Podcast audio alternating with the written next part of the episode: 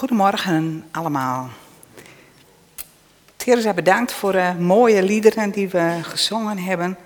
Het, hart, het, het lied van uh, wat mij raakt ook van uh, een hart van aanbidding. En het alleen om de Heer Jezus gaat.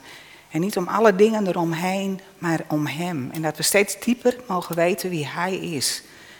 En ook wat er ook in ons leven is, wat we in het laatste lied zongen, als de oceaan haar krachten laat zien dat God groter is, dat Hij meer is en dat Hij de God is die bij ons is.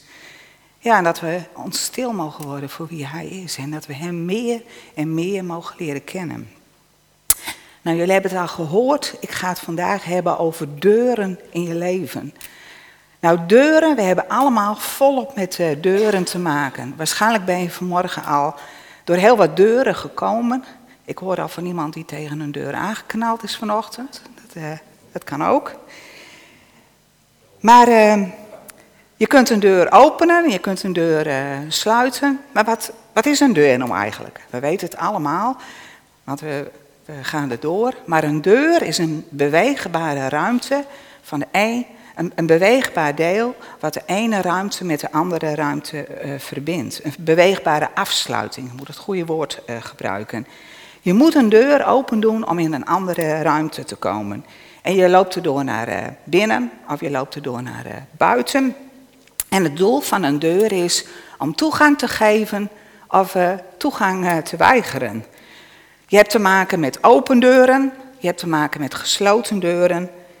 En deuren geven ook een gevoel van veiligheid. Kijk maar eens, vooral ook in onze schuttingen en onze tuintjes, hoeveel deuren we erin doen. Het stukje is van mij, mijn stukje. En uh, niemand mag hier zomaar binnenkomen. Deuren. En zo hebben we heel veel deuren in ons huis. We hebben hier ook een hele bijzondere deur. Dat is een doopdeur. Daar kan je eigenlijk nu niet in en uit gaan. Dan moet het doopbad open zijn. Nou, dat is een deur die we alleen hier bij ons in de kerk hebben.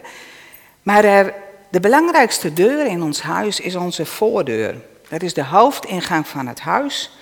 En die deur die doen we op slot als we weggaan, ik denk dat jullie vanmorgen allemaal de deur op slot gedaan hebben. En ook als je thuis bent en uh, uh, je gaat naar bed, dan gaat die voordeur die gaat op slot. We willen niet dat mensen zomaar bij ons binnenkomen. En vooral niet dat mensen binnenkomen en iets weghalen wat, uh, wat van ons is. Hoe ver gaan we met onze huisdeuren? Hoe open zijn onze deuren? Als er iemand aan de deur staat, open je dan de deur en zeg je welkom, kom maar bij mij binnen. Of laat je hem dan mooi op de, op de stoep staan? Ik weet nog wel, ik heb bij Jeugd met een opdracht gewerkt en uh, dan leef je met elkaar in een gemeenschap. En daar kwam iedereen altijd bij je binnen. De deur, het was gewoon, uh, je dacht ik ga even dit doen, maar dan kwam er iemand bij je binnen. Uh, en dan kwam, en die was weg en dan kwam er weer iemand, de deur die ging open en dicht. Toen kwam ik weer terug in, in een gewoon huis te wonen. Toen vond ik het zo heerlijk dat de deur dicht was en dat niet iedereen zomaar bij je binnenkwam. Dat, dat moest ik weer aan denken toen ik hiermee uh, bezig was. En wat ook heel mooi is, wij hebben, uh, dat heb je vanmorgen hier ook kunnen zien, de deur staat wijd open van onze kerk. Uh, er staat een bord zelfs, welkom. Wij willen een open deur hebben, een open thuis zijn voor, voor onze eigen gemeenteleden, maar ook voor gasten, dat je hier welkom bent. Dat zit ook in ons logo. Ons logo is een ovaal, maar er zit een uh, rondje in. Het is open, ook anderen kunnen binnenkomen en deel van ons uh, worden. Nou, dat zijn de deuren die we gewoon tegenkomen, maar we hebben ook deuren in ons leven. In je leven heb je ook uh, momenten dat je stappen neemt en een nieuw terrein ingaat. En dat wordt ook, wordt ook vaak deuren genoemd. Dat je iets uh, afsluit en dat je iets nieuws uh, binnengaat. En je kunt ervoor kiezen of je een deur binnengaat of niet. Een reden om niet binnen te gaan kan zijn omdat je bang bent voor het onbekende, wat je niet kent. Of omdat je bang bent om af te gaan, om te falen. Het is aan, aan jou of je wel of niet door een deur heen, gaan, deur heen gaat. Maar het kan ook zo zijn in je leven dat je deuren tegenkomt die, voor, die voor jou gesloten worden. Het kan heel best zijn dat je heel graag iets wil. Een bepaalde functie, een bepaalde uh, taak, een plek ergens. En dat je gewoon geen mogelijkheid hebt. Maar het is zo bijzonder. God heeft ons allemaal gemaakt met gaven, met talenten, met passie waar wij voor willen gaan. En God zal ons altijd op plekken brengen waar deuren voor ons open gaan. Ik herinner me nog heel goed, wij zijn als twee gemeenten op een gegeven moment bij elkaar gegaan. En toen is tien jaar geleden de Open Thuisgemeente gestart. En voor die tijd uh, sprak ik bij ons in de Rehoboth gemeente. Er was een plek voor vrouwen om te spreken. Toen wij samen gingen als gemeente en de Open Thuisgemeente ontstond, was op dat moment geen ruimte voor een vrouw om te spreken. En ik wist gewoon ook dat dat goed was, want het was belangrijk dat wij als gemeente aan elkaar verbonden werden en dat dat ging groeien. Maar voor mij ging er een deur dicht. Ik mocht niet meer spreken in een gemeente. Maar het was zo bijzonder. Op dat moment werd ik gevraagd om in de Josia-gemeente te spreken. En ik werd gevraagd bij Glow om te spreken, een organisatie waar ik bij betrokken ben. En dat liet mij zo zien, God kent jou, God weet wat hij in je gelegd heeft. En als ergens geen mogelijkheid is, als een deur dicht gaat, geeft God je andere mogelijkheden. Het kan ook zo zijn dat je een tijd iets niet moet doen. Ik wil niet zeggen dat altijd een andere uh, plek komt om hetzelfde te doen, maar God is erbij. En God zal je altijd op plekken brengen die passen bij wat hij in jou gelegd heeft. Als we God volgen en als we achter Hem aangaan, dan zal Hij ons leiden en dan zal Hij deuren voor ons openen. God heeft een bestemming voor ieder van ons. En Hij heeft niets liever dan dat je op die plek komt. Dat je tot groei en bloei komt op de plaats die Hij voor je heeft. Nou, in de Bijbel wordt ook heel veel over uh, deuren gesproken, over letterlijke deuren. Uh, ik wil een paar voorbeelden noemen. Er staat in de in het begin van de Bijbel dat als de Noach de ark gebouwd heeft en iedereen naar binnen gaat, dat God de deur sluit. God zet een nieuwe tijd voor eh, Noach en zijn familie. God beschermt hen en God heeft voor hen een doorgang om door te gaan. Dan lezen we over Samuel, die bij, uh, in de tempel is. Dan lezen we dat Samuel ochtends de deuren van de tempel opent. Heel mooi. Hij is als het ware ook degene die het woord van de Heer weer opent. Maar hij opent ook de deuren van de tempel. Dan hebben we Simson. We lezen dat Simson de hele geweldige zware deuren van Gaza, van de poorten, dat hij die optilt en dat hij die meeneemt. En dat ze willen hem te pakken nemen, maar in plaats van dat dat gebeurt, eh, pakt hij de deuren en is hij helemaal vrij. Ook Nehemia, we lezen een bijzonder verhaal van Nehemia. Jeruzalem ligt uh, ja, als het ware onbeschermd. De muren zijn kapot. De deuren, de poorten, die zijn uh, verbrijzeld. Iedereen kan daar binnenkomen. En Nehemia die gaat samen met de mensen daar aan het herbouwen. En hij sluit de poorten, dat het weer een plek van veiligheid wordt. Maar in de Bijbel wordt ook vaak over deuren van een andere betekenis gesproken. Een deur staat vaak voor een doorgang naar leven. Je gaat door een deur en dan ontvang je leven. En ik wil een ik wil een vijftal deuren benoemen die in de Bijbel uh, genoemd worden. En die wij ook in ons leven tegenkomen. En sommige deuren die worden letterlijk ook een deur genoemd. En andere niet letterlijk in de Bijbel, maar we hebben wel die betekenis. En dan begin ik met de deur van redding. Dat begint, sluit heel mooi aan op wat uh, Klaas ook gelezen heeft.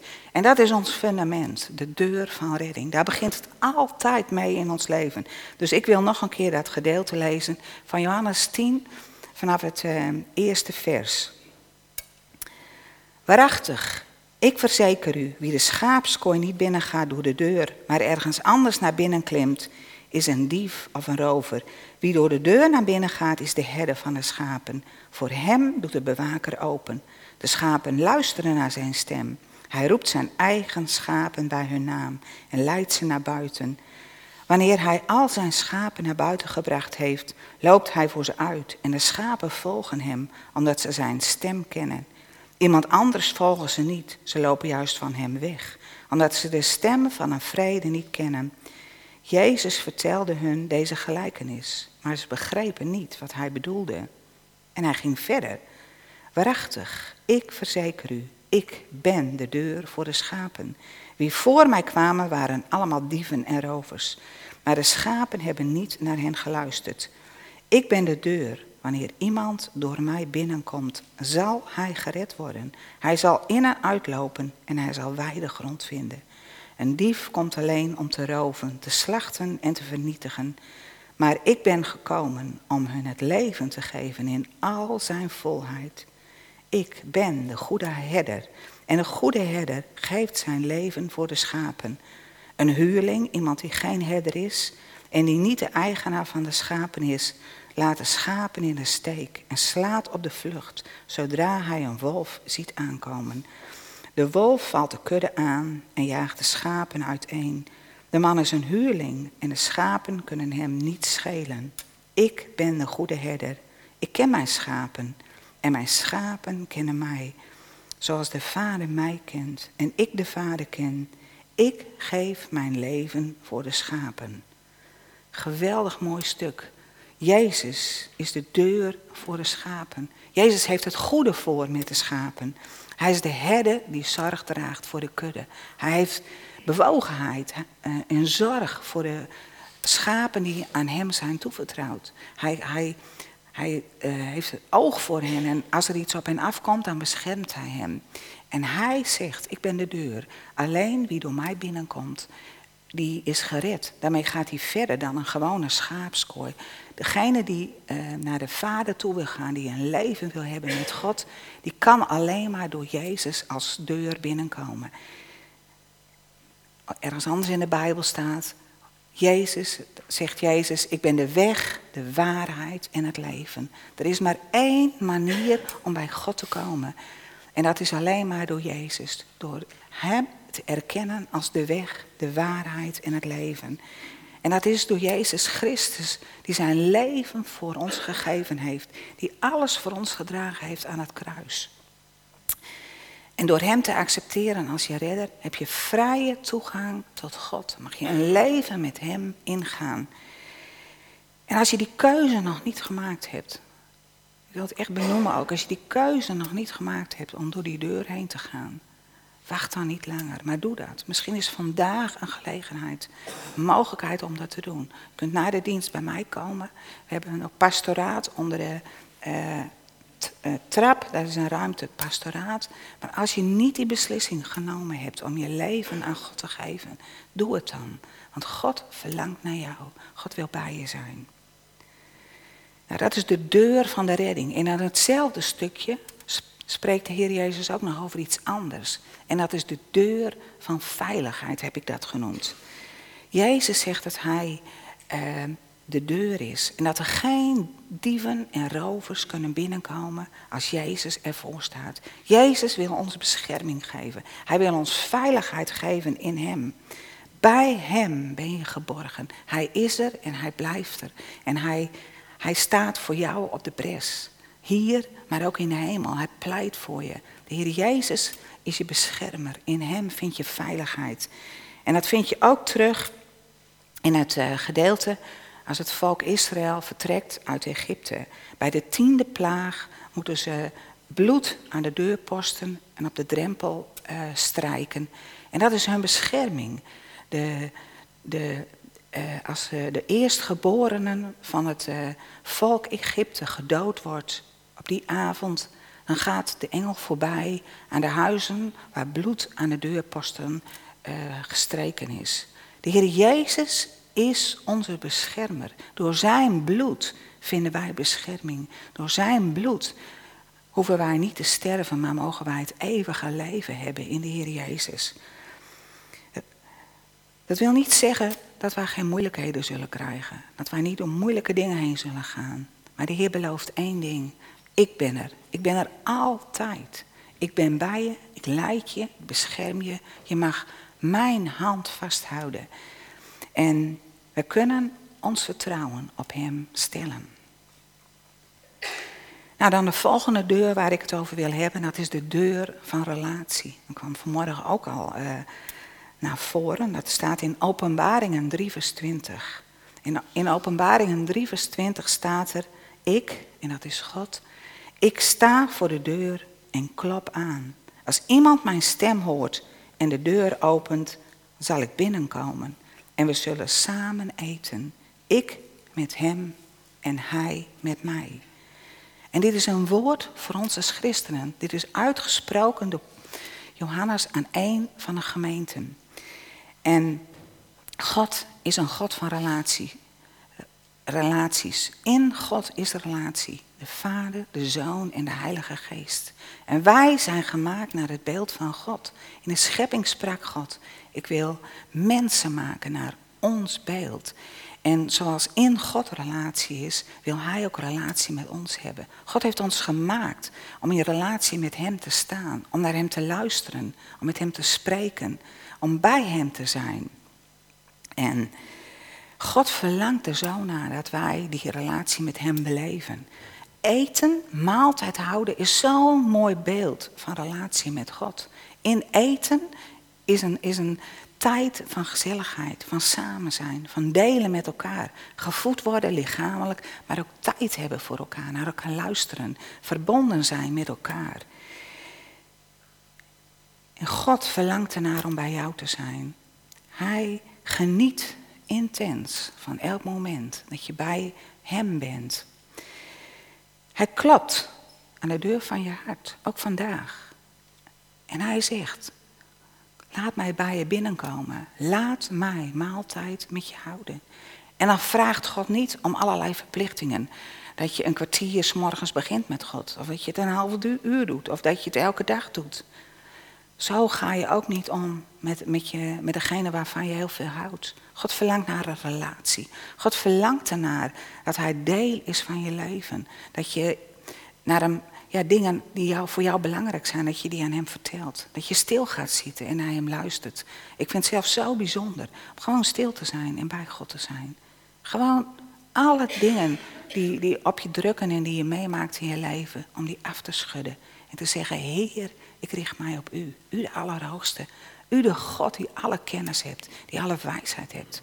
U de God die vreugde heeft en vrede. Ik wil van U ontvangen. En weet je, als je intimiteit met God hebt, dan verandert je leven.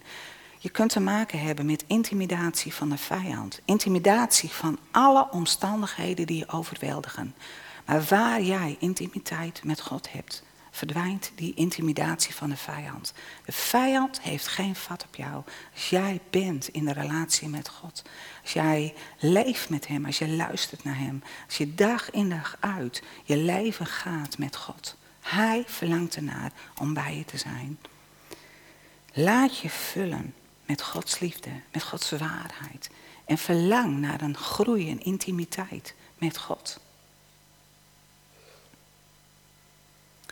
En dan een volgende, volgende, volgende deur. Dat heb ik genoemd. Je moet de deur van het verleden moet je sluiten. En ik wil daar een uh, Bijbelgedeelte over lezen uit Filippenzen 3. Filippenzen 3, vers 10 tot 16. En er staat, ik wil Christus kennen en de kracht van zijn opstanding ervaren. Ik wil delen in zijn lijden en aan hem gelijk worden in zijn dood. In de hoop misschien ook zelf uit de doden op te staan. Niet dat ik al zo ver ben en mijn doel al heb bereikt. Maar ik houd vol in de hoop eens dat te kunnen grijpen waarvoor Christus Jezus mij gegrepen heeft. Broeders en zusters, ik beeld me niet in dat ik het al heb bereikt, maar één ding is zeker, ik vergeet wat achter me ligt en ik richt mij op wat voor me ligt. Ik ga recht op mijn doel af, de hemelse prijs waartoe God mij door Jezus, Christus Jezus roept. Hierop moeten wij ons allen als volmaakte mensen richten. Mocht u er op enig punt anders over denken, dan zal God het u wel duidelijk maken. In ieder geval laten we op de ingeslagen weg voortgaan. Paulus gaat voor drie dingen. Hij vergeet wat achter hem ligt. Hij richt zich op wat voor hem ligt. En hij gaat voor datgene wat God, waar God hem voor roept. En die punten gelden ook voor ons, al die drie dingen. Vergeten wat achter je ligt. Je richten op wat voor je ligt. En gaan waarvoor God je roept. Een hemelse roeping. Nou, het is heel bijzonder dat met name Paulus uh, deze woorden uh, schrijft. Paulus heeft nogal wat meegemaakt. Die heeft nogal een verleden. Die is achter de christenen aangegaan. Die heeft hen vervolgd. Uh, gezorgd dat ze gepakt werden in de gevangenis terecht kwamen. Hij ging naar Damascus met het doel om de christenen te vermoorden. En hij heeft een ontmoeting gehad met de levende God. En God heeft zijn leven totaal veranderd. En dan kan hij zeggen, ik vergeet wat achter mij ligt. Dat is geweest. Dat is er nu niet meer. In God heeft Hij, in de Heer Jezus, heeft Hij een nieuw begin gevonden. Christ, een vergeten wat achter je ligt, is een cruciale stap. Het is echt de deur naar het verleden dicht doen. Niet blijven bij wie je was en wat je hebt meegemaakt. Je mag verder trekken en sluiten wat geweest is. En het verleden afsluiten is noodzakelijk om verder te komen. Weet je, alles wat geweest is, kunnen wij niet meer veranderen. Dat is geweest. En hoe meer energie je legt in wat geweest is, dan ontneemt het je de energie en de passie voor waar je in verder wilt trekken. En voor ons als christen is het zo bijzonder dat de Heer Jezus alle zonden, alle schuld voor ons heeft gedragen. En hij zegt, je bent vrij. Je bent vrij van wat geweest is. Als je je leven aan God geeft en de dingen beleidt, dan neemt de Heer Jezus het van je af. En dan hoef je niet meer langer die last op je te nemen. Je hoeft het niet zelf te herstellen en je hoeft het niet zelf te verbeteren. God zegt, richt je op mij en ga vanaf nu ontvangen wat ik je wil geven. Het hemelse, de waarheid, het leven. Ga je daarop richten, zodat je daarin groeien kan en verder kan trekken. En uh, ik wil een, een, een zin heel duidelijk benoemen ook. Vandaag sluit ik de deur naar het verleden en ik open de deur naar de toekomst. Dat is wat we mogen doen. De deur naar het verleden sluiten en de deur naar de toekomst openen. Want we hebben een nieuwe identiteit in God gekregen. We zijn een nieuwe mens. En we hebben van God alles gekregen wat hoort bij dit nieuwe leven. En de Heilige Geest die woont in ons en die wil ons daarmee vullen. En daarom is de volgende deur die ik nog specifiek wil benoemen ook, is de deur van de toekomst, die mogen we openen. Niet richten op het verleden, maar op het nu, op de toekomst. En het is zo belangrijk om te weten waar jij je op richt in je leven. Want waar je je op richt, waar je je focus op hebt, dat gaat groeien. Dat wordt, wat, dat wordt sterker. En het is net als met een zaadje. Als jij een zaadje in een plant doet en je voedt het en je geeft het water, gaat het groeien wordt het meer. Als jij een zaadje laat liggen, dan verstrompelt het en dan uh, komt er niks uit. Is ook zo met ons. Als wij ons gaan richten op de goede dingen die God voor ons heeft, dan gaat het groeien. Als wij ons gaan richten op de waarheid die God voor ons heeft, dan gaat het groeien. En het is zo belangrijk om te weten, waar richt ik mij op? Wat is mijn focus? Want als er dan moeilijkheden komen en afleidingen, dan kan je zeggen, nee, God heeft tegen mij gezegd, ik ben van Hem, ik ben gereinigd door Hem, ik ben geheiligd. En ik ga voor de dingen die God voor mij heeft. En ik laat me niet meer afbrengen van de dingen die geweest zijn. Moest er ook aan denken. Als je naar een nieuw land gaat, ga je de taal leren die bij dat nieuwe land hoort. Dan ga je je niet meer druk maken om de taal die in het land was waar je geweest bent en waar je niet naar terug gaat dan ga je richten op die nieuwe taal. Want die taal heb je nodig. Dat geldt ook voor ons. We hebben het oude achtergelaten. Wij leven in het koninkrijk van God. En wij mogen de taal van de hemel mogen wij ontvangen. Die mogen we spreken. Dat is bemoedigend, dat is aanmoedigend, dat is krachtig, dat is waarheid, dat is leven. En, en we mogen ons daarop uh, op richten. Benoem wie je bent in God. Benoem het voor jezelf. En benoem het naar elkaar toe ook. Wie je bent in Christus. Moedig, je, moedig elkaar daarin aan. En als er dan dingen komen die, die moeilijk zijn, dan kun je daaraan vasthouden. Het is belangrijk om te weten wat God voor jou heeft. God heeft een bestemming voor je. En je mag daarin gaan bewegen. En dat je door wat er ook komt, dat je daar niet van laat afbrengen. Ik, uh, ik had al heel lang eh, een, verlangen, ik wil gewoon een paar voorbeelden noemen uit mijn eigen leven. Ik had het verlangen om een uh, bibliotheek te hebben in de kerk. Was heel lang was dat gewoon een, uh, ja, een droom. Ik denk, wat zou dat mooi zijn als we boeken beschikbaar hebben. Mensen die ze gelezen hebben, die ze kunnen inleveren. En dat je die boeken met elkaar kunt delen. En op een gegeven moment wist ik van, dit is de tijd, ik ga die plannen delen. Nou, gelukkig waren er ook andere mensen enthousiast. En zijn we begonnen met een bibliotheek. En uh, voor mij laat het zo zien, als God je iets geeft, dan mag je er ook mee aan de gang gaan. En nu kunnen veel mensen, jullie allemaal als je wilt, kun je genieten van de bibliotheek die wij hier in de gemeente hebben. Kun je boeken lezen, bemoedigd worden, boeken om van te genieten, maar ook boeken om opgebouwd te worden. Nou, uh, iets anders. Uh, ik vraag God elk jaar om een, om, een, om, een, om een jaarthema. Om iets wat God voor mij heeft in, in het jaar waarin wij leven.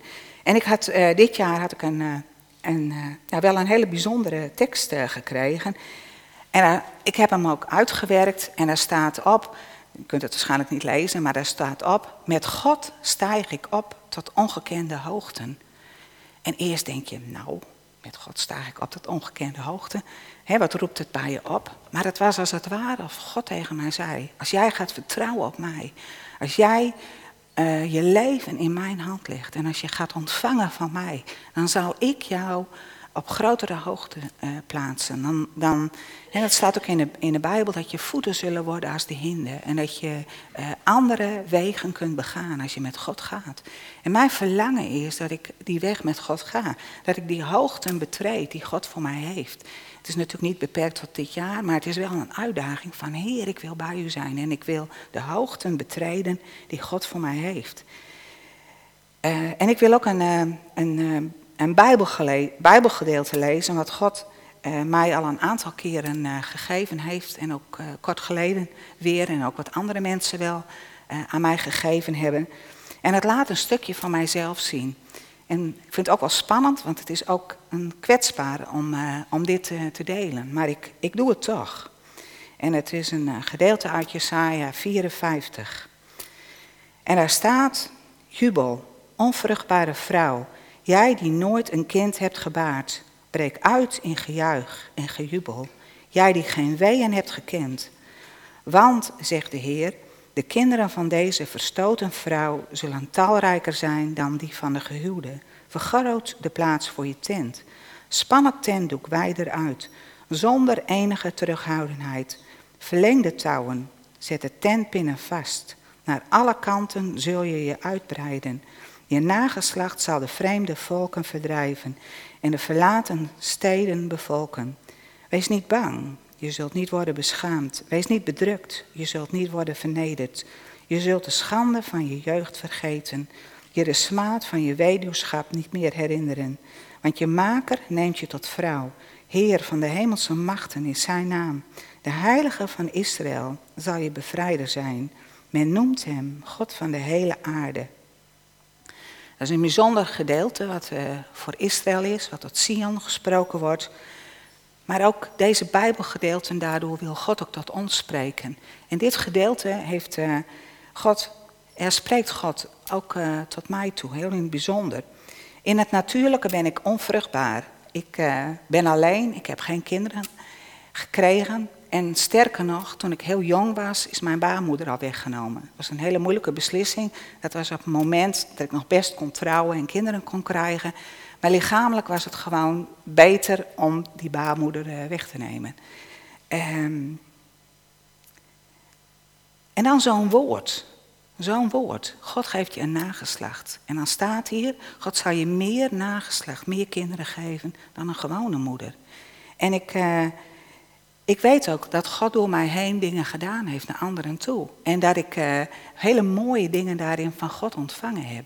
En dat het een nageslacht is wat anders is dan letterlijke kinderen. God heeft mij geroepen, heel speciaal, om zijn leven door te geven. En wat je dan in het natuurlijke niet kan, is soms ook heel veel strijd om in je eigen leven, in je natuurlijke leven. Maar God wil dat ik geestelijk leven doorgeef. Het leven wat God voor ons allemaal heeft. En dat verlangen is al heel lang op mijn hart. En dat doe ik door spreken, maar door andere dingen ook. Want God is een God die volheid van leven geeft. We hebben het ook gelezen in het stuk van, Jesaja, eh, van, de, van de herder, wat, wat uh, in Johannes staat. En, en Klaas heeft het heel mooi benoemd. Dat we weidegrond en voeding frisheid van water, verfrissing zullen vinden. Het leven van God, dat zit zo op mijn hart om dat door te geven, om, om, elkaar daarin uh, aan te moedigen. Maar God heeft de laatste tijd ook nieuwe uitdagingen voor me geplaatst. En tegen mij gezegd van je moet je tentpinnen wijder zitten. Je moet meer verwachten van mij. Je moet meer bewegen in de dingen die ik voor je heb. Blijf niet zitten waar je zit, maar strek je uit naar meer. En uh, het is altijd spannend. Het is altijd veilig om te blijven waar je bent. Voel je op een gegeven moment voel je wel op je gemak. Dan weet je hoe dingen een beetje gaan. Maar weet je, veel christenen, en ik, ik herken dat zelf ook heel erg, blijven wonen in Egypte en, en daar op de best mogelijke manier leven. We hebben ons daar onze weg wel gevonden. We weten hoe het daar is en we willen daar blijven leven. Maar we missen dan de overvloed die God voor ons heeft in Canaan. God wil ons meer geven. God wil meer aan ons uh, toebedelen. En passiviteit is een geweldige blokkade om te ontvangen wat God voor je heeft. Je kan wel denken, ik heb mijn leven aan God gegeven, ik ga naar de kerk, bid, ik zing, alles is voor elkaar.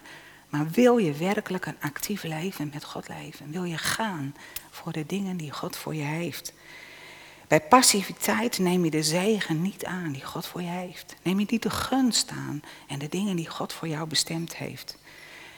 Je, je redding is een eenmalige gift. Dat is een gave die God aan je geeft. Maar om daarin te leven en te bewegen en om, om ja, daar uh, in je leven invulling aan te geven, dat is een proces. Een proces wat doorgaat, jaar in, jaar uit. Het, het vraagt een ontvangen van God, maar het vraagt ook om ervoor te gaan. Van mij vraagt God dat ik groei in de dingen die Hij in mij gelegd heeft. En dat ik niet wacht tot de dingen komen gaan, tot ze op mijn bordje komen, tot ze op mijn pad komen.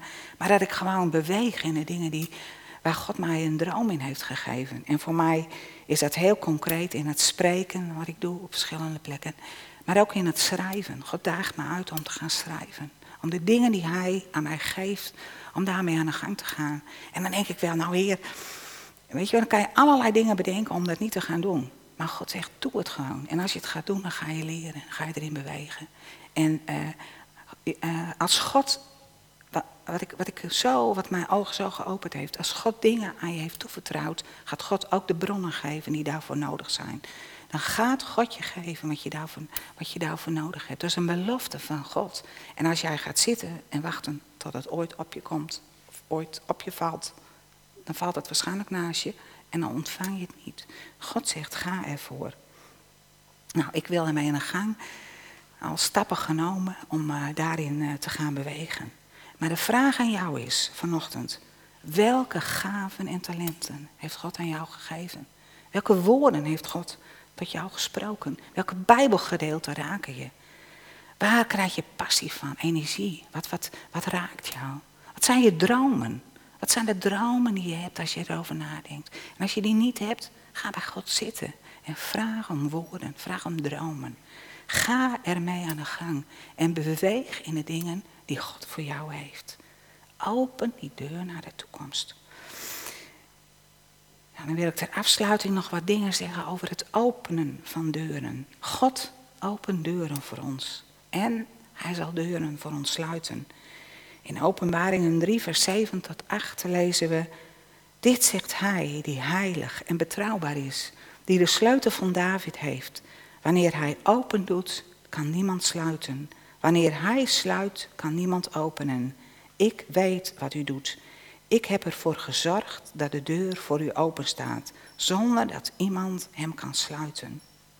Als God iets voor je heeft, dan zal God ook een deur voor je openen. In dat vertrouwen mag je leven. En dat, ik vind dat zo bijzonder dat wij als christenen in dat vertrouwen mogen leven.